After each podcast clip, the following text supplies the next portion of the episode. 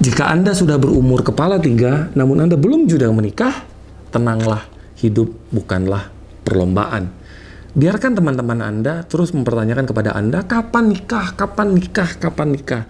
Biarkan mereka terus bertanya dan tetaplah menjawab dengan kata-kata, doain ya, semoga cepat menikah.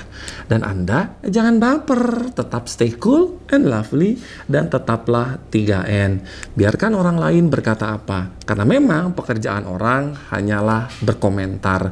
Hidup itu cuma tiga. Satu, Allah yang nentuin. Dua, kita yang jalanin. Tiga, orang lain yang komentarin. Jadi ketika ada orang lain komentar, iya memang tugas dia. Lu kagak usah baper. Tenang aja. Oke? Jadi hadapilah semua dengan 3N. Karena hidup bukanlah perlombaan.